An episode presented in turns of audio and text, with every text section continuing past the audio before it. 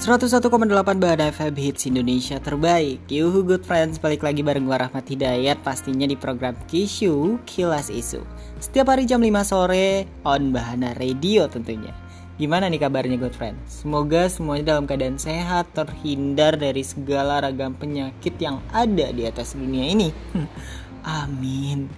Kali ini gue pengen ngebahas soal isu pembangunan istana negara di Kalimantan Kan Indonesia udah mau pindah ibu kota gitu kan, tepatnya ke Pulau Kalimantan. Otomatis kita butuh bangunan kepemerintahan yang salah satunya itu adalah istana negara. Yang namanya keputusan pasti bakal ada pertentangan, termasuk soal pembangunan istana ini.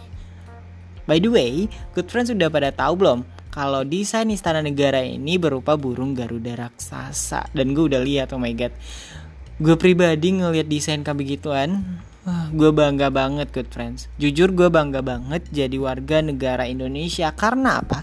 Burung Garuda merupakan salah satu identitas dari negara kita dan lu bisa realisasikan dalam bentuk bangunan. Oh my god, itu kayak out of the box banget good friends.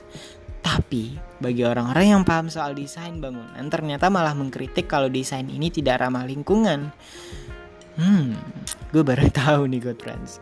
Bukan cuma itu doang good friends, masyarakat awam juga menilai kalau pembangunan ini hanya membuang uang negara di tengah banyaknya permasalahan yang sedang negara hadapi. Pusing gue kalau masalah kebeginian good friends. Kayak lu mau sesuatu yang menurut lu udah oke, okay, tapi di mata orang lain ternyata nggak terlalu oke. Okay.